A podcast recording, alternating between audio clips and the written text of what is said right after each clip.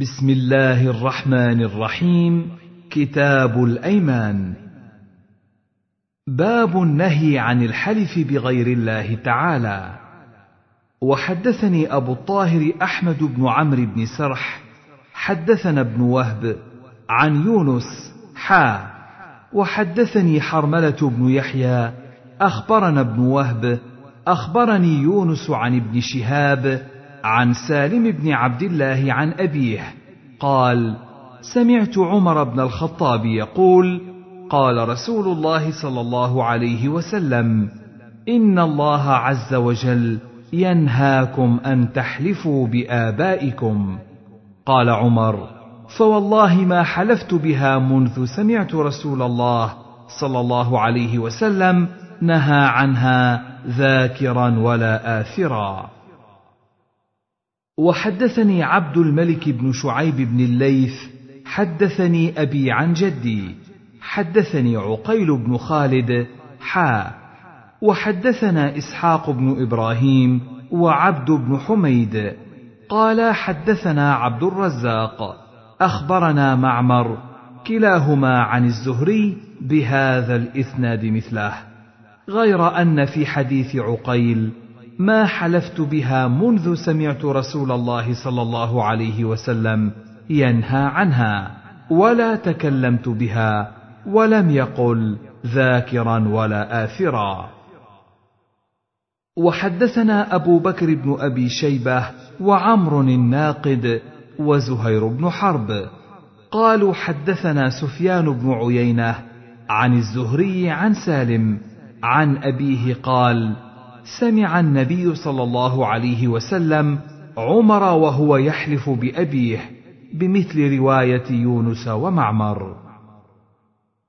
وحدثنا قتيبة بن سعيد حدثنا ليث حا وحدثنا محمد بن رمح واللفظ له. أخبرنا الليث عن نافع عن عبد الله عن رسول الله صلى الله عليه وسلم أنه أدرك عمر بن الخطاب في ركب وعمر يحلف بأبيه فناداهم رسول الله صلى الله عليه وسلم ألا إن الله عز وجل ينهاكم أن تحلفوا بآبائكم فمن كان حالفا فليحلف بالله أو ليصمت. وحدثنا محمد بن عبد الله بن نمير حدثنا أبي حا وحدثنا محمد بن المثنى. حدثنا يحيى وهو القطان عن عبيد الله حا. وحدثني بشر بن هلال. حدثنا عبد الوارث. حدثنا أيوب حا. وحدثنا أبو كريب. حدثنا أبو أسامة عن الوليد بن كثير حا. وحدثنا ابن أبي عمر. حدثنا سفيان عن إسماعيل بن أمية حا وحدثنا ابن رافع حدثنا ابن أبي فديك أخبرنا الضحاك وابن أبي ذئب حا وحدثنا إسحاق بن إبراهيم وابن رافع عن عبد الرزاق عن ابن جريج أخبرني عبد الكريم كل هؤلاء عن نافع عن ابن عمر بمثل هذه القصة. عن النبي صلى الله عليه وسلم. وحدثنا يحيى بن يحيى ويحيى بن أيوب وقتيبه وابن حجر. قال يحيى بن يحيى أخبرنا وقال الآخرون حدثنا إسماعيل وهو ابن جعفر. عن عبد الله بن دينار أنه سمع ابن عمر قال قال رسول الله صلى الله عليه وسلم من كان حالفا فلا يحلف إلا بالله. وكانت قريش تحلف بآبائها فقال لا تحلفوا بآبائكم. باب من حلف باللات والعزى فليقل لا إله إلا الله. حدثني أبو الطاهر حدثنا ابن وهب عن يونس حا وحدثني حرملة بن يحيى أخبرنا ابن وهب أخبرني يونس عن ابن شهاب أخبرني حميد بن عبد الرحمن بن عوف أن أبا هريرة قال قال رسول الله صلى الله عليه وسلم من حلف منكم فقال في حلفه باللات فليقل لا إله إلا الله ومن قال لصاحبه تعال أقامرك فليتصدق. وحدثني سويد بن سعيد حدثنا الوليد بن مسلم عن الأوزاعي حا وحدثنا إسحاق بن إبراهيم وعبد بن حميد. قال حدثنا عبد الرزاق أخبرنا معمر كلاهما عن الزهري بهذا الإسناد وحديث معمر مثل حديث يونس غير أنه قال فليتصدق بشيء. وفي حديث الأوزاعي من حلف باللات والعزى قال أبو الحسين مسلم هذا الحرف يعني قوله تعال أقامرك فليتصدق لا يرويه أحد غير الزهري قال وللزهري نحو من تسعين حديثا يرويه عن النبي صلى الله عليه وسلم لا يشاركه فيه أحد بأسانيد جياد حدثنا أبو بكر بن أبي شيبة حدثنا عبد الأعلى عن هشام عن الحسن عن عبد الرحمن بن سمرة قال قال رسول الله صلى الله عليه وسلم لا تحلفوا بالطواغي ولا بآبائكم. باب ندب من حلف يمينا فرأى غيرها خيرا منها أن يأتي الذي هو خير ويكفر عن يمينه. حدثنا خلف بن هشام وقتيبة بن سعيد ويحيى بن حبيب الحارثي واللفظ لخلف. قالوا حدثنا حماد بن زيد عن غيلان بن جرير عن أبي بردة عن أبي موسى الأشعري قال أتيت النبي صلى الله عليه وسلم في رهط من الأشعريين نستحمله فقال والله لا أحملكم. وما عندي ما احملكم عليه. قال فلبثنا ما شاء الله ثم اتي بابل فامر لنا بثلاث ذود غر الذرى. فلما انطلقنا قلنا أو قال بعضنا لبعض لا يبارك الله لنا.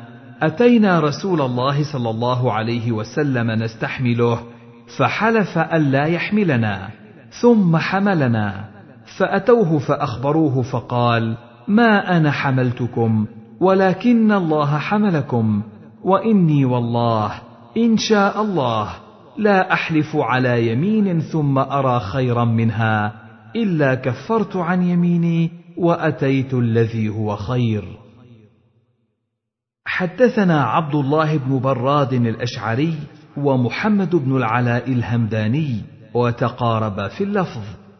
قال حدثنا أبو أسامة عن بريد عن أبي بردة عن أبي موسى قال أرسلني أصحابي إلى رسول الله صلى الله عليه وسلم أسأله لهم الحملان إذ هم معه في جيش العسرة وهي غزوة تبوك.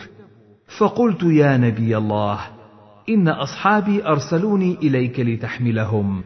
فقال والله لا أحملكم على شيء ووافقته وهو غضبان ولا أشعر.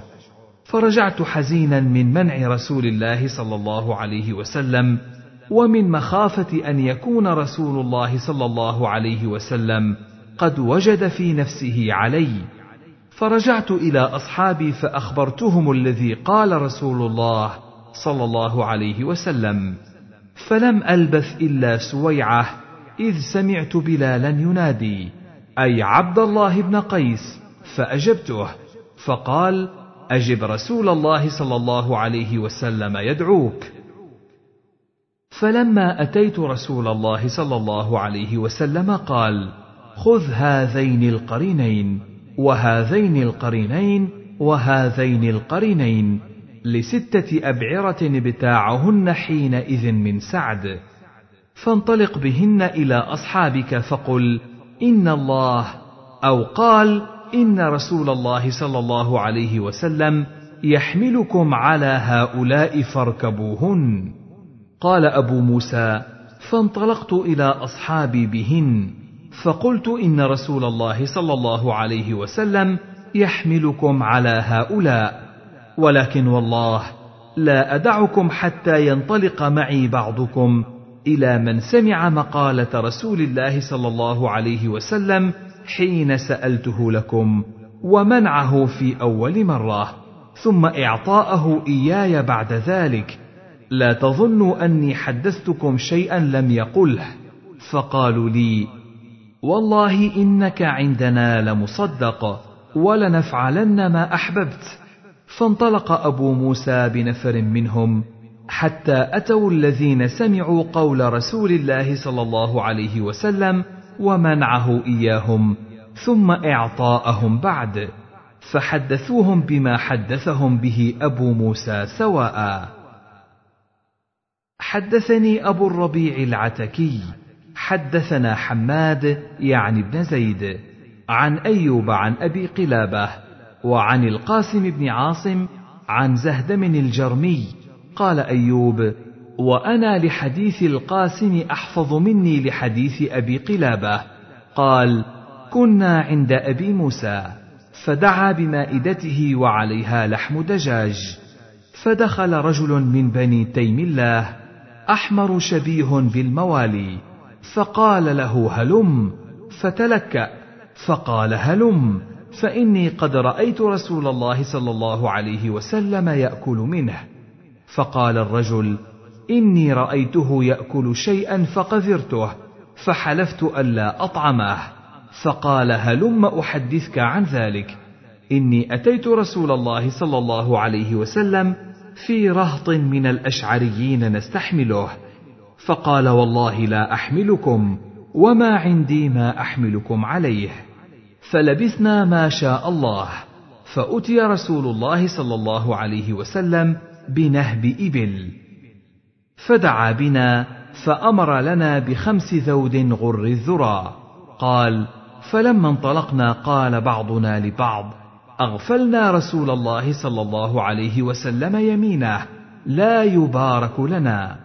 فرجعنا إليه فقلنا يا رسول الله إنا أتيناك نستحملك وإنك حلفت ألا تحملنا ثم حملتنا. أفنسيت يا رسول الله؟ قال إني والله إن شاء الله لا أحلف على يمين فأرى غيرها خيرا منها إلا أتيت الذي هو خير وتحللتها. فانطلقوا فإنما حملكم الله عز وجل. وحدثنا ابن أبي عمر حدثنا عبد الوهاب الثقفي عن أيوب عن أبي قلابة والقاسم التميمي عن زهدم الجرمي قال كان بين هذا الحي من جرم وبين الأشعريين ود وإخاء فكنا عند أبي موسى الأشعري فقرب إليه طعام فيه لحم دجاج فذكر نحوه.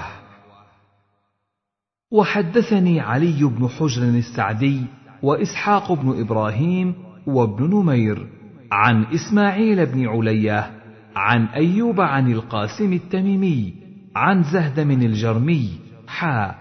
وحدثنا ابن أبي عمر حدثنا سفيان عن أيوب عن أبي قلابة عن زهدم الجرمي حا. وحدثني أبو بكر بن إسحاق حدثنا عفان بن مسلم حدثنا وهيب. حدثنا أيوب عن أبي قلابة والقاسم عن زهدم الجرمي. قال كنا عند أبي موسى واقتصوا جميعا الحديث بمعنى حديث حماد بن زيد. وحدثنا شيبان بن فروخ حدثنا الصعق يعني ابن حزن حدثنا مطر الوراق حدثنا زهدم الجرمي. قال دخلت على أبي موسى وهو يأكل لحم دجاج وساق الحديث بنحو حديثهم وزاد فيه قال إني والله ما نسيتها. وحدثنا إسحاق بن إبراهيم أخبرنا جرير عن سليمان التيمي عن ضريب بن نقير القيسي عن زهدم عن أبي موسى الأشعري قال أتينا رسول الله صلى الله عليه وسلم نستحمله. فقال ما عندي ما أحملكم والله ما أحملكم. ثم بعث إلينا رسول الله صلى الله عليه وسلم بثلاثة ذود بقع الذرى. فقلنا إنا أتينا رسول الله صلى الله عليه وسلم نستحمله فحلف الا يحملنا. فأتيناه فأخبرناه فقال إني لا أحلف على يمين أرى غيرها خيرا منها إلا أتيت الذي هو خير. حدثنا محمد بن عبد الأعلى التيمي حدثنا المعتمر عن أبيه حدثنا أبو السليل عن زهدم يحدثه عن أبي موسى قال كنا مشاه فأتينا نبي الله صلى الله عليه وسلم نستحمله بنحو حديث جرير. حدثني زهير بن حرب حدثنا مروان بن معاوية الفزاري أخبرنا يزيد بن كيسان عن أبي حازم عن أبي هريرة قال أعتم رجل عند النبي صلى الله عليه وسلم. ثم رجع إلى أهله فوجد الصبية قد ناموا. فأتاه أهله بطعامه فحلف لا يأكل من أجل صبيته ثم بدا له فأكل. فأتى رسول الله صلى الله عليه وسلم فذكر ذلك له. فقال رسول الله صلى الله عليه وسلم من حلف على يمين فرأى غيرها خيرا منها فليأتها وليكفر عن يمينه.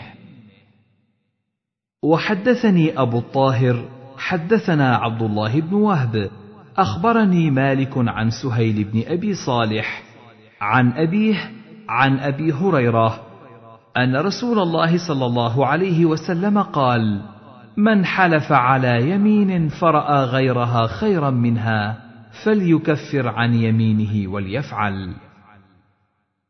وحدثني زهير بن حرب حدثنا ابن أبي أويس حدثني عبد العزيز بن المطلب عن سهيل بن أبي صالح عن أبيه عن أبي هريرة قال قال رسول الله صلى الله عليه وسلم من حلف على يمين فرأى غيرها خيرا منها فليات الذي هو خير وليكفر عن يمينه.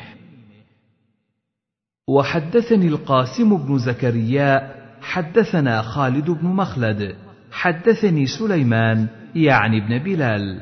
حدثني سهيل في هذا الإسناد بمعنى حديث مالك. فليكفر يمينه وليفعل الذي هو خير. حدثنا قتيبة بن سعيد حدثنا جرير عن عبد العزيز يعني ابن رفيع عن تميم بن طرفة قال جاء سائل إلى عدي بن حاتم فسأله نفقة في ثمن خادم أو في بعض ثمن خادم فقال ليس عندي ما أعطيك إلا درعي ومغفري. فأكتب إلى أهلي أن يعطوكها. قال فلم يرض فغضب عدي. فقال أما والله لا أعطيك شيئا. ثم إن الرجل رضي. فقال أما والله لولا أني سمعت رسول الله صلى الله عليه وسلم يقول من حلف على يمين ثم رأى أتقى لله منها فليات التقوى. ما حنثت يميني. وحدثنا عبيد الله بن معاذ حدثنا أبي حدثنا شعبة عن عبد العزيز بن رفيع عن تميم بن طرفة عن عدي بن حاتم قال قال رسول الله صلى الله عليه وسلم من حلف على يمين فرأى غيرها خيرا منها فليات الذي هو خير وليترك يمينه. حدثني محمد بن عبد الله بن نمير ومحمد بن طريف البجلي واللفظ لابن طريف. قال حدثنا محمد بن فضيل عن الأعمش عن عبد العزيز بن رفيع عن تميم الطائي عن عدي قال قال رسول الله صلى الله عليه وسلم إذا حلف أحدكم على اليمين فرأى خيرا منها فليكفرها وليات الذي هو خير. وحدثنا محمد بن طريف حدثنا محمد بن فضيل عن الشيباني عن عبد العزيز بن رفيع عن تميم الطائي عن عدي بن حاتم أنه سمع النبي صلى الله عليه وسلم يقول ذلك. حدثنا محمد بن المثنى وابن بشار. قال حدثنا محمد بن جعفر. حدثنا شعبة عن سماك بن حرب عن تميم بن طرفة. قال سمعت عدي بن حاتم وأتاه رجل يسأله مائه درهم. فقال تسألني مائه درهم وأنا ابن حاتم والله لا أعطيك. ثم قال لولا أني سمعت رسول الله صلى الله عليه وسلم يقول من حلف على يمين ثم رأى خيرا منها فليأت الذي هو خير. حدثني محمد بن حاتم حدثنا بهز حدثنا شعبة حدثنا سماك بن حرب. قال سمعت تميم بن طرفة قال سمعت عدي بن حاتم أن رجلا سأله فذكر مثله وزاد ولك أربعمائة في عطائي. حدثنا شيبان بن فروخ حدثنا جرير بن حازم حدثنا الحسن حدثنا عبد الرحمن بن سمرة قال قال لي رسول الله صلى الله عليه وسلم يا عبد الرحمن بن سمرة لا تسأل الإمارة فإنك إن أعطيتها عن مسألة وكلت إليها وإن أعطيتها عن غير مسألة أعنت عليها. وإذا حلفت على يمين فرأيت غيرها خيرا منها فكفر عن يمينك وأت الذي هو خير. قال أبو أحمد الجلودي حدثنا أبو العباس الماسرجسي حدثنا شيبان بن فروخ بهذا الحديث. حدثني علي بن حجر السعدي حدثنا هشيم عن يونس ومنصور وحميد. حا. وحدثنا أبو كامل الجحدري. حدثنا حماد بن زيد عن سماك بن عطية ويونس بن عبيد وهشام بن حسان في آخرين. حا. وحدثنا عبيد الله بن معاذ. حدثنا المعتمر عن أبيه. حا. وحدثنا عقبة بن مكرم العمي. حدثنا سعيد بن عامر عن سعيد. عن قتادة كلهم عن الحسن عن عبد الرحمن بن سمرة عن النبي صلى الله عليه وسلم بهذا الحديث وليس في حديث المعتمر عن أبيه ذكر الإمارة. باب يمين الحالف على نية المستحلف. حدثنا يحيى بن يحيى وعمر الناقد. قال يحيى أخبرنا هشيم بن بشير عن عبد الله بن أبي صالح وقال عمرو حدثنا هشيم بن بشير أخبرنا عبد الله بن أبي صالح عن أبيه عن أبي هريرة قال قال رسول الله صلى الله عليه وسلم يمينك على ما يصدقك عليه صاحبك وقال عمرو يصدقك به صاحبك. وحدثنا أبو بكر بن أبي شيبة حدثنا يزيد بن هارون عن هشيم عن عباد بن أبي صالح عن أبيه عن أبي هريرة قال قال رسول الله صلى الله عليه وسلم اليمين على نية المستحلف. باب الاستثناء.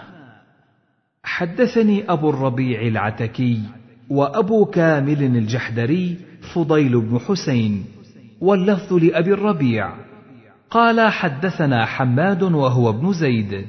حدثنا أيوب عن محمد عن أبي هريرة قال كان لسليمان ستون امرأة فقال لأطوفن عليهن الليلة فتحمل كل واحدة منهن فتلد كل واحدة منهن غلاما فارسا يقاتل في سبيل الله فلم تحمل منهن إلا واحدة.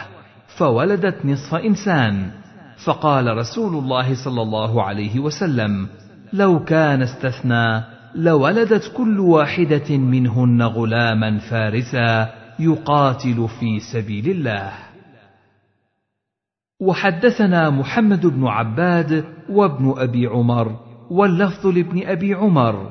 قالا حدثنا سفيان عن هشام بن حجير عن طاووس عن أبي هريرة عن النبي صلى الله عليه وسلم قال قال سليمان بن داود نبي الله لأطوفن الليلة على سبعين امرأة كلهن تأتي بغلام يقاتل في سبيل الله. فقال له صاحبه أو الملك قل إن شاء الله. فلم يقل ونسي. فلم تات واحدة من نسائه إلا واحدة جاءت بشق غلام. فقال رسول الله صلى الله عليه وسلم ولو قال إن شاء الله لم يحنث وكان دركا له في حاجته. وحدثنا ابن أبي عمر حدثنا سفيان عن أبي الزناد عن الأعرج عن أبي هريرة عن النبي صلى الله عليه وسلم مثله أو نحوه. وحدثنا عبد بن حميد أخبرنا عبد الرزاق بن همام أخبرنا معمر عن ابن طاووس عن أبيه عن أبي هريرة قال قال سليمان بن داود لأطيفن الليلة على سبعين امرأة تلد كل امرأة منهن غلاما يقاتل في سبيل الله. فقيل له قل إن شاء الله. فلم يقل فأطاف بهن. فلم تلد منهن إلا امرأة واحدة نصف إنسان. قال فقال رسول الله صلى الله عليه وسلم لو قال إن شاء الله لم يحنث وكان دركا لحاجته. وحدثني زهير بن حرب حدثنا شبابه حدثني ورقاء عن أبي الزناد عن الأعرج عن أبي هريرة عن النبي صلى الله عليه وسلم قال قال سليمان بن داود لأطوفن الليلة على تسعين امرأة كلها تأتي بفارس يقاتل في سبيل الله. فقال له صاحبه قل إن شاء الله فلم يقل إن شاء الله. فطاف عليهن جميعا فلم تحمل منهن إلا امرأة واحدة فجاءت بشق رجل. ويم الذي نفس محمد بيده. لو قال إن شاء الله لجاهدوا في سبيل الله فرسانا أجمعون. وحدثنيه سويد بن سعيد حدثنا حفص بن ميسرة عن موسى بن عقبة عن أبي الزناد بهذا الإسناد مثله غير أنه قال كلها تحمل غلاما يجاهد في سبيل الله. باب النهي عن الإصرار على اليمين فيما يتأذى به أهل الحالف مما ليس بحرام. حدثنا محمد بن رافع حدثنا عبد الرزاق حدثنا معمر عن همام بن منبه قال هذا ما حدثنا أبو هريرة عن رسول الله صلى الله عليه وسلم فذكر أحاديث منها. وقال رسول الله صلى الله عليه وسلم والله لأن يلج أحدكم بيمينه في أهله آثم له عند الله من أن يعطي كفارته التي فرض الله. باب نذر الكافر وما يفعل فيه إذا أسلم. حدثنا محمد بن أبي بكر المقدمي ومحمد بن المثنى وزهير بن حرب. واللفظ لزهير. قالوا حدثنا يحيى وهو ابن سعيد القطان عن عبيد الله. قال أخبرني نافع عن ابن عمر أن عمر قال يا رسول الله إني نذرت في الجاهلية أن أعتكف ليلة في المسجد الحرام. قال فأوف بنذرك. وحدثنا أبو سعيد الأشج حدثنا أبو أسامة حا وحدثنا محمد بن المثنى حدثنا عبد الوهاب يعني الثقفي حا وحدثنا أبو بكر بن أبي شيبة ومحمد بن العلاء وإسحاق بن إبراهيم جميعا عن حفص بن غياث حا وحدثنا محمد بن عمرو بن جبلة بن أبي رواد حدثنا محمد بن جعفر حدثنا شعبة كلهم عن عبيد الله عن نافع عن ابن عمر. وقال حفص من بينهم عن عمر بهذا الحديث أما أبو أسامة والثقفي ففي حديثهما اعتكاف ليلة وأما في حديث شعبة فقال جعل عليه يوما يعتكفه وليس في حديث حفص ذكر يوم ولا ليلة. وحدثني أبو الطاهر أخبرنا عبد الله بن وهب. حدثنا جرير بن حازم أن أيوب حدثه أن نافعا حدثه أن عبد الله بن عمر حدثه أن عمر بن الخطاب سأل رسول الله صلى الله عليه وسلم وهو بالجعرانة بعد أن رجع من الطائف. فقال يا رسول الله إني نذرت في الجاهلية أن أعتكف يوما في المسجد الحرام فكيف ترى؟ قال اذهب فاعتكف يوما. قال وكان رسول الله صلى الله عليه وسلم قد أعطاه جارية من الخمس فلما أعتق رسول الله صلى الله عليه وسلم سبايا الناس سمع عمر بن الخطاب أصواتهم يقولون أعتقنا رسول الله صلى الله عليه وسلم. فقال ما هذا؟ فقالوا أعتق رسول الله صلى الله عليه وسلم سبايا الناس.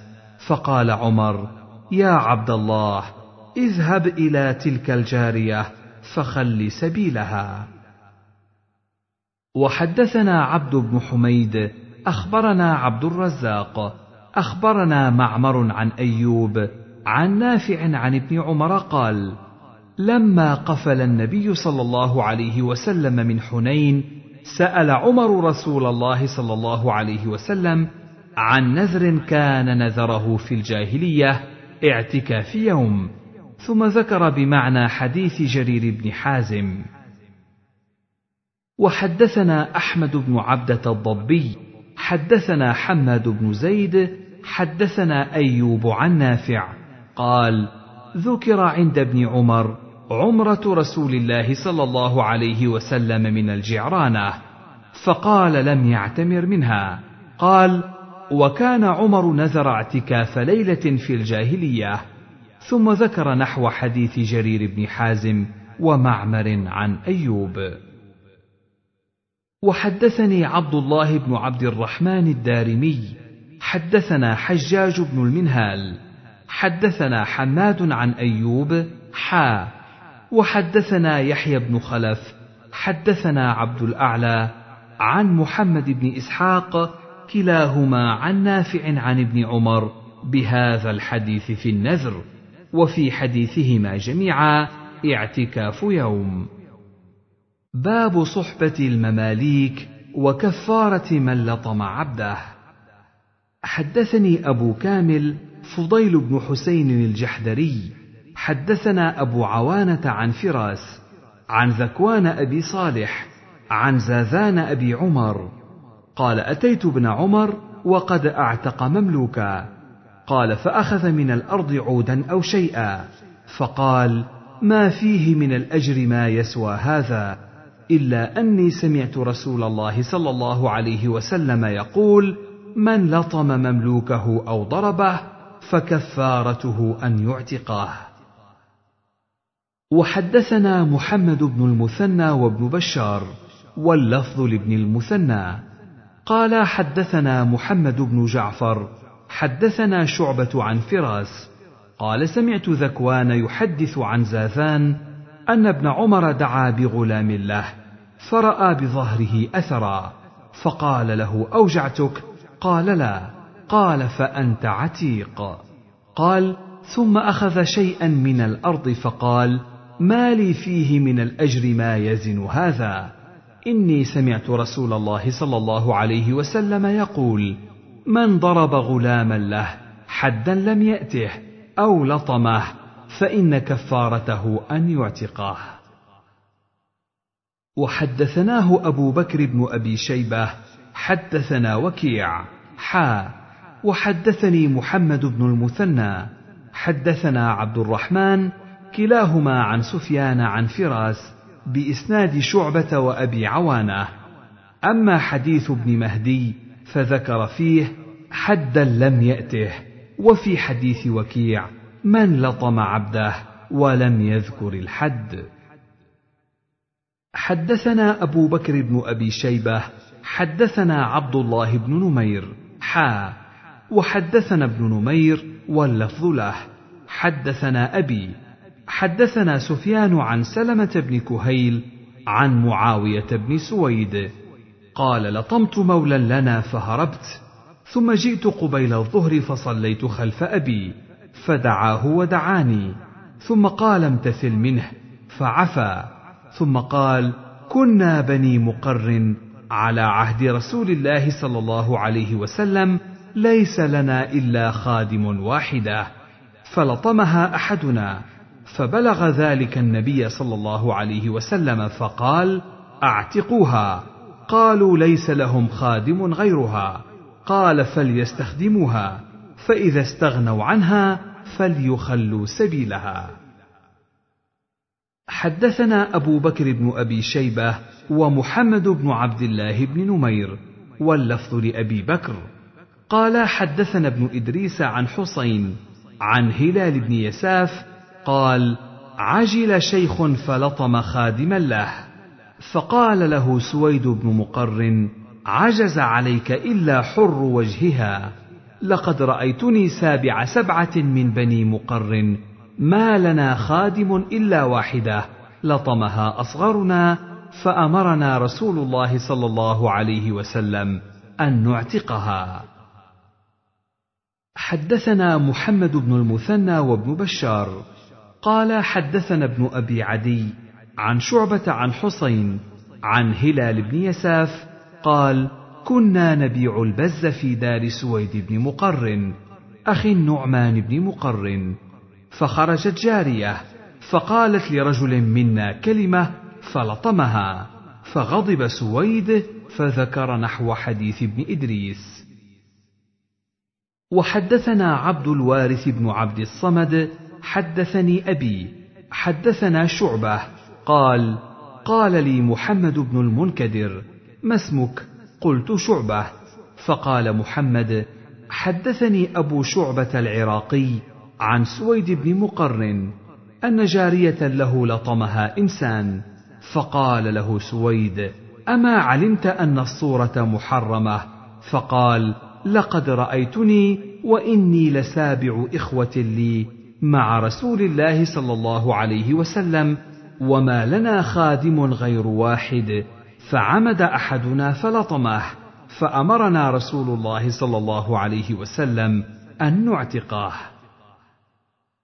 وحدثناه إسحاق بن إبراهيم ومحمد بن المثنى عن وهب بن جرير أخبرنا شعبة قال قال لي محمد بن المنكدر ما اسمك؟ فذكر بمثل حديث عبد الصمد. حدثنا أبو كامل الجحدري حدثنا عبد الواحد يعني ابن زياد. حدثنا الأعمش عن إبراهيم التيمي عن أبيه قال قال أبو مسعود البدري كنت أضرب غلاما لي بالسوط فسمعت صوتا من خلفي اعلم أبا مسعود فلم أفهم الصوت من الغضب. قال فلما دنا مني إذا هو رسول الله صلى الله عليه وسلم فإذا هو يقول اعلم أبا مسعود اعلم أبا مسعود. قال فألقيت الصوت من يدي فقال اعلم أبا مسعود أن الله أقدر عليك منك على هذا الغلام. قال فقلت لا أضرب مملوكا بعده ابدا.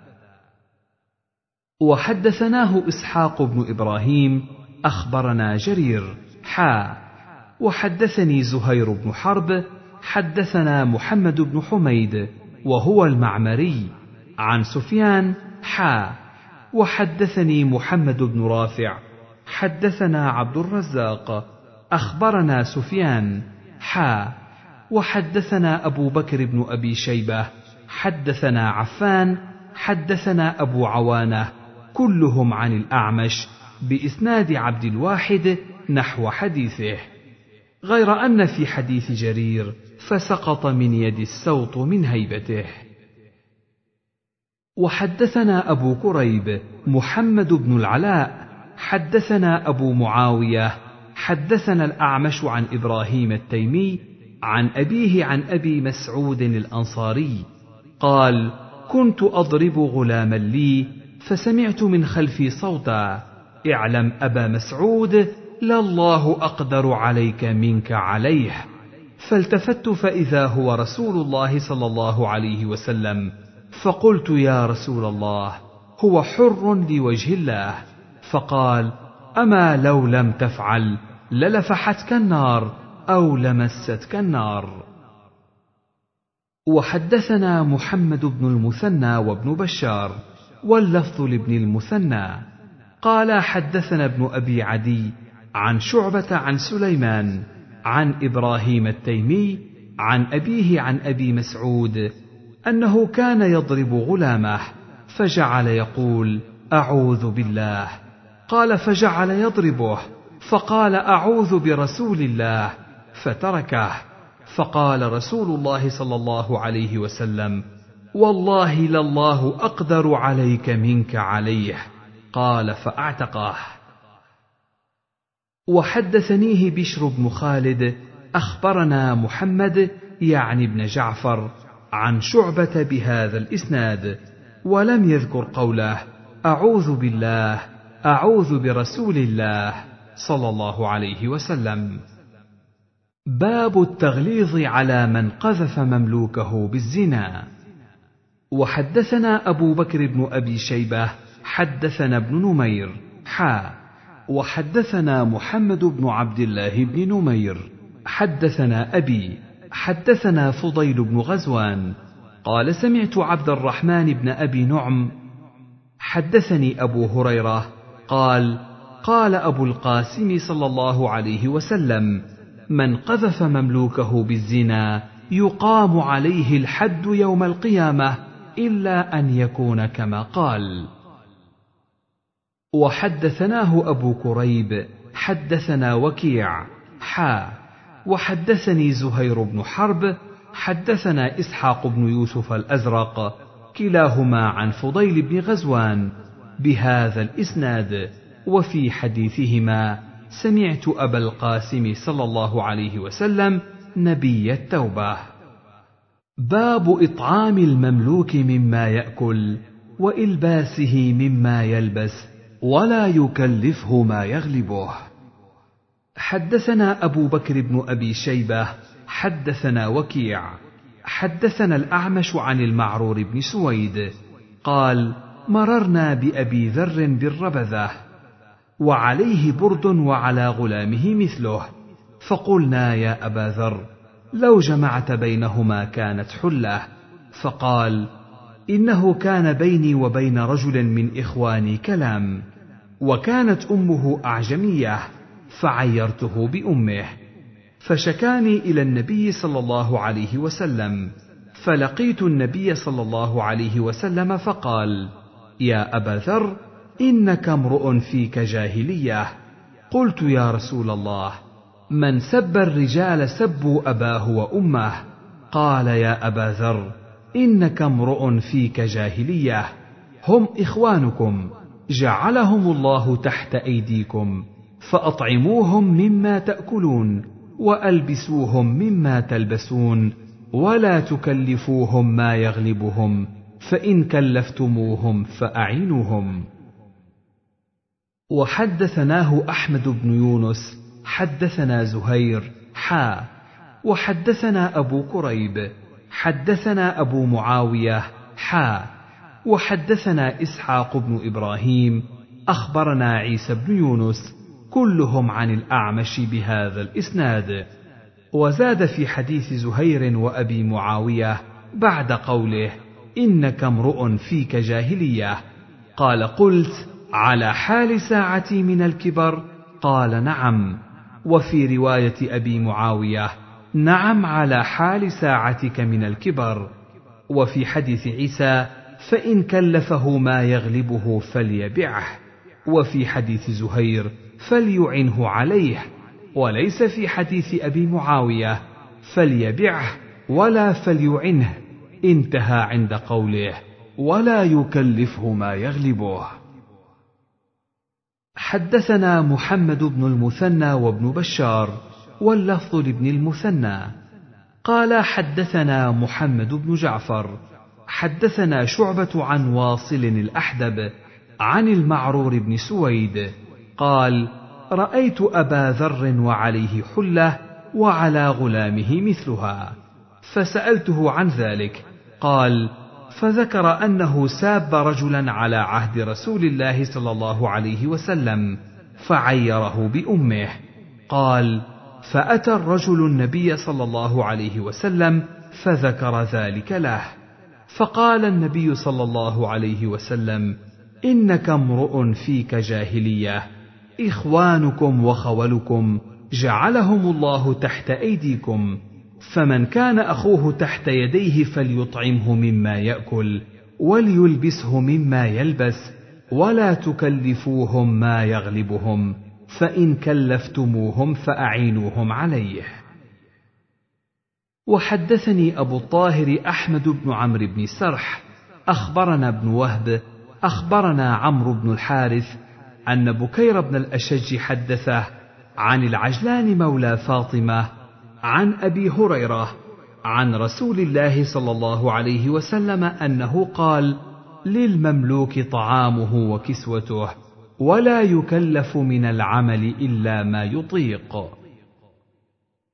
وحدثنا القعنبي حدثنا داود بن قيس عن موسى بن يسار عن أبي هريرة قال قال رسول الله صلى الله عليه وسلم إذا صنع لأحدكم خادمه طعامه ثم جاءه به وقد ولي حره ودخانه فليقعده معه فليأكل فإن كان الطعام مشفوها قليلا فليضع في يده منه أكلة أو أكلتين.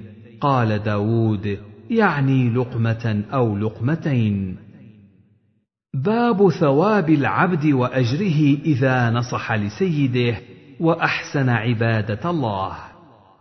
حدثنا يحيى بن يحيى قال قرأت على مالك عن نافع عن ابن عمر أن رسول الله صلى الله عليه وسلم قال إن العبد إذا نصح لسيده وأحسن عبادة الله فله أجره مرتين. وحدثني زهير بن حرب ومحمد بن المثنى قال حدثنا يحيى وهو القطان حا. وحدثنا ابن نمير حدثنا أبي حا. وحدثنا أبو بكر بن أبي شيبة حدثنا ابن نمير وأبو أسامة كلهم عن عبيد الله حا. وحدثنا هارون بن سعيد الأيلي حدثنا ابن وهب حدثني أسامة جميعا عن نافع عن ابن عمر. عن النبي صلى الله عليه وسلم بمثل حديث مالك. حدثني أبو الطاهر وحرملة بن يحيى قال أخبرنا ابن وهب أخبرني يونس عن ابن شهاب قال سمعت سعيد بن المسيب يقول قال أبو هريرة قال رسول الله صلى الله عليه وسلم للعبد المملوك المصلح أجران والذي نفس أبي هريرة بيده.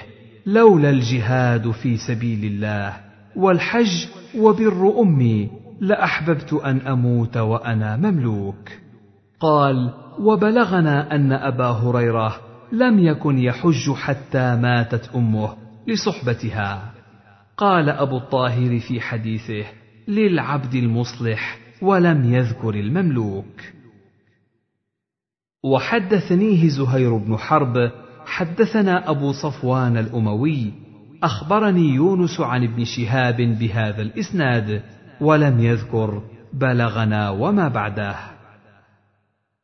وحدثنا أبو بكر بن أبي شيبة وأبو كريب قال حدثنا أبو معاوية عن الأعمش عن أبي صالح عن أبي هريرة قال قال رسول الله صلى الله عليه وسلم إذا أدى العبد حق الله وحق مواليه كان له أجران.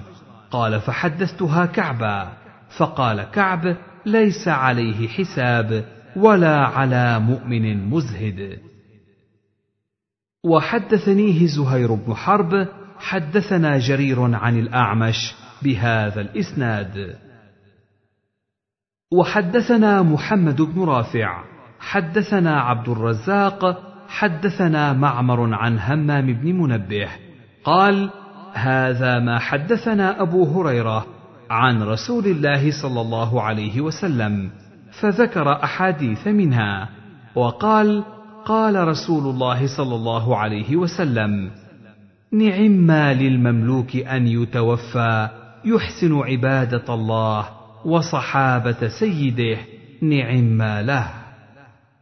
باب من أعتق شركا له في عبد. حدثنا يحيى بن يحيى قال قلت لمالك حدثك نافع عن ابن عمر. قال قال رسول الله صلى الله عليه وسلم من أعتق شركا له في عبد فكان له مال يبلغ ثمن العبد قوم عليه قيمة العدل فأعطى شركاءه حصصهم وعتق عليه العبد وإلا فقد عتق منه ما عتق. حدثنا ابن نمير حدثنا أبي حدثنا عبيد الله عن نافع عن ابن عمر قال قال رسول الله صلى الله عليه وسلم من أعتق شركا له من مملوك فعليه عتقه كله. إن كان له مال يبلغ ثمنه فإن لم يكن له مال عتق منه ما عتق. وحدثنا شيبان بن فروخ حدثنا جرير بن حازم عن نافع مولى عبد الله بن عمر عن عبد الله بن عمر قال قال رسول الله صلى الله عليه وسلم من أعتق نصيبا له في عبد فكان له من المال قدر ما يبلغ قيمته قوم عليه قيمة عدل وإلا فقد عتق منه ما عتق.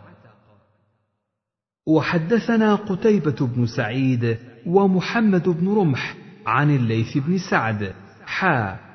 وحدثنا محمد بن المثنى حدثنا عبد الوهاب قال سمعت يحيى بن سعيد حا. وحدثني أبو الربيع وأبو كامل قال حدثنا حماد وهو ابن زيد حا. وحدثني زهير بن حرب حدثنا إسماعيل يعني ابن علية كلاهما عن أيوب. حا.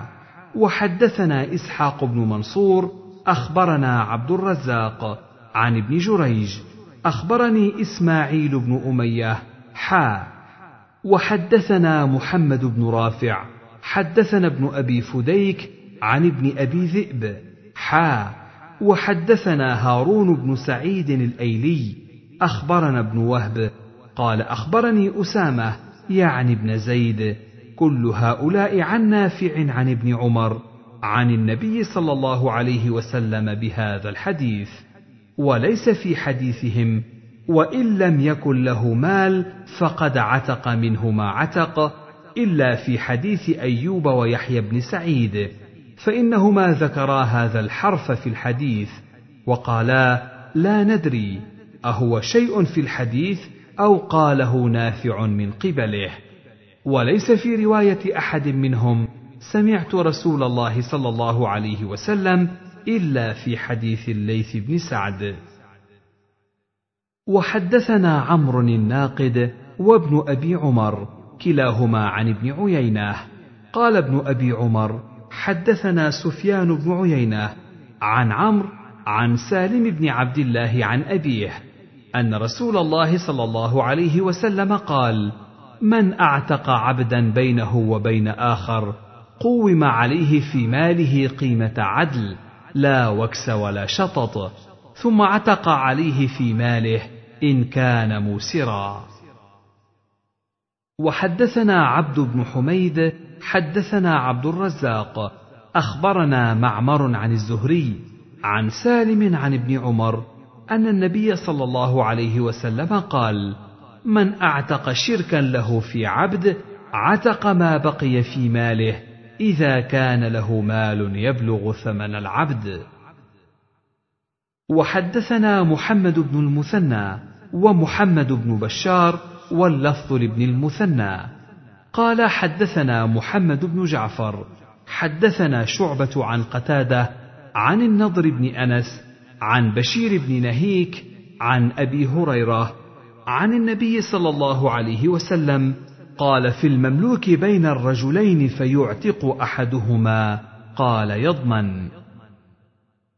وحدثناه عبيد الله بن معاذ حدثنا أبي حدثنا شعبة بهذا الإسناد. قال من أعتق شقيصا من مملوك فهو حر من ماله. وحدثني عمرو الناقد حدثنا إسماعيل بن إبراهيم عن ابن أبي عروبة عن قتادة عن النضر بن أنس عن بشير بن نهيك عن أبي هريرة عن النبي صلى الله عليه وسلم قال من أعتق شقيصا له في عبد فخلاصه في ماله إن كان له مال فإن لم يكن له مال استسعي العبد غير مشقوق عليه. وحدثناه أبو بكر بن أبي شيبة حدثنا علي بن مسهر ومحمد بن بشر حا. وحدثنا إسحاق بن إبراهيم وعلي بن خشرم. قال أخبرنا عيسى بن يونس جميعا عن ابن أبي عروبة بهذا الإسناد. وفي حديث عيسى ثم يستسعى في نصيب الذي لم يعتق غير مشقوق عليه. حدثنا علي بن حجر السعدي وأبو بكر بن أبي شيبة وزهير بن حرب. قالوا حدثنا إسماعيل وهو ابن عليه عن أيوب عن أبي قلابة عن أبي المهلب عن عمران بن حسين أن رجلا أعتق ستة مملوكين له عند موته. لم يكن له مال غيرهم. فدعا بهم رسول الله صلى الله عليه وسلم فجزأهم أثلاثا ثم أقرع بينهم فأعتق اثنين وأرق أربعة وقال له قولا شديدا حدثنا قتيبة بن سعيد حدثنا حماد حا وحدثنا إسحاق بن إبراهيم وابن أبي عمر عن الثقفي كلاهما عن أيوب بهذا الإسناد. أما حماد فحديثه كرواية ابن عليه وأما الثقفي ففي حديثه أن رجلا من الأنصار أوصى عند موته فأعتق ستة مملوكين. وحدثنا محمد بن منهال الضرير وأحمد بن عبده. قالا حدثنا يزيد بن زريع. حدثنا هشام بن حسان عن محمد بن سيرين عن عمران بن حسين عن النبي صلى الله عليه وسلم بمثل حديث ابن علية وحماد. باب جواز بيع المدبر. حدثنا أبو الربيع سليمان بن داود العتكي حدثنا حماد يعني بن زيد عن عمرو بن دينار عن جابر بن عبد الله أن رجلا من الأنصار أعتق غلاما له عن دبر لم يكن له مال غيره. فبلغ ذلك النبي صلى الله عليه وسلم فقال من يشتريه مني؟ فاشتراه نعيم بن عبد الله بثمانمائة درهم فدفعها إليه. قال عمرو سمعت جابر بن عبد الله يقول عبدا قبطيا مات عام أول. وحدثناه أبو بكر بن أبي شيبة وإسحاق بن إبراهيم عن ابن عيينة. قال أبو بكر حدثنا سفيان بن عيينة.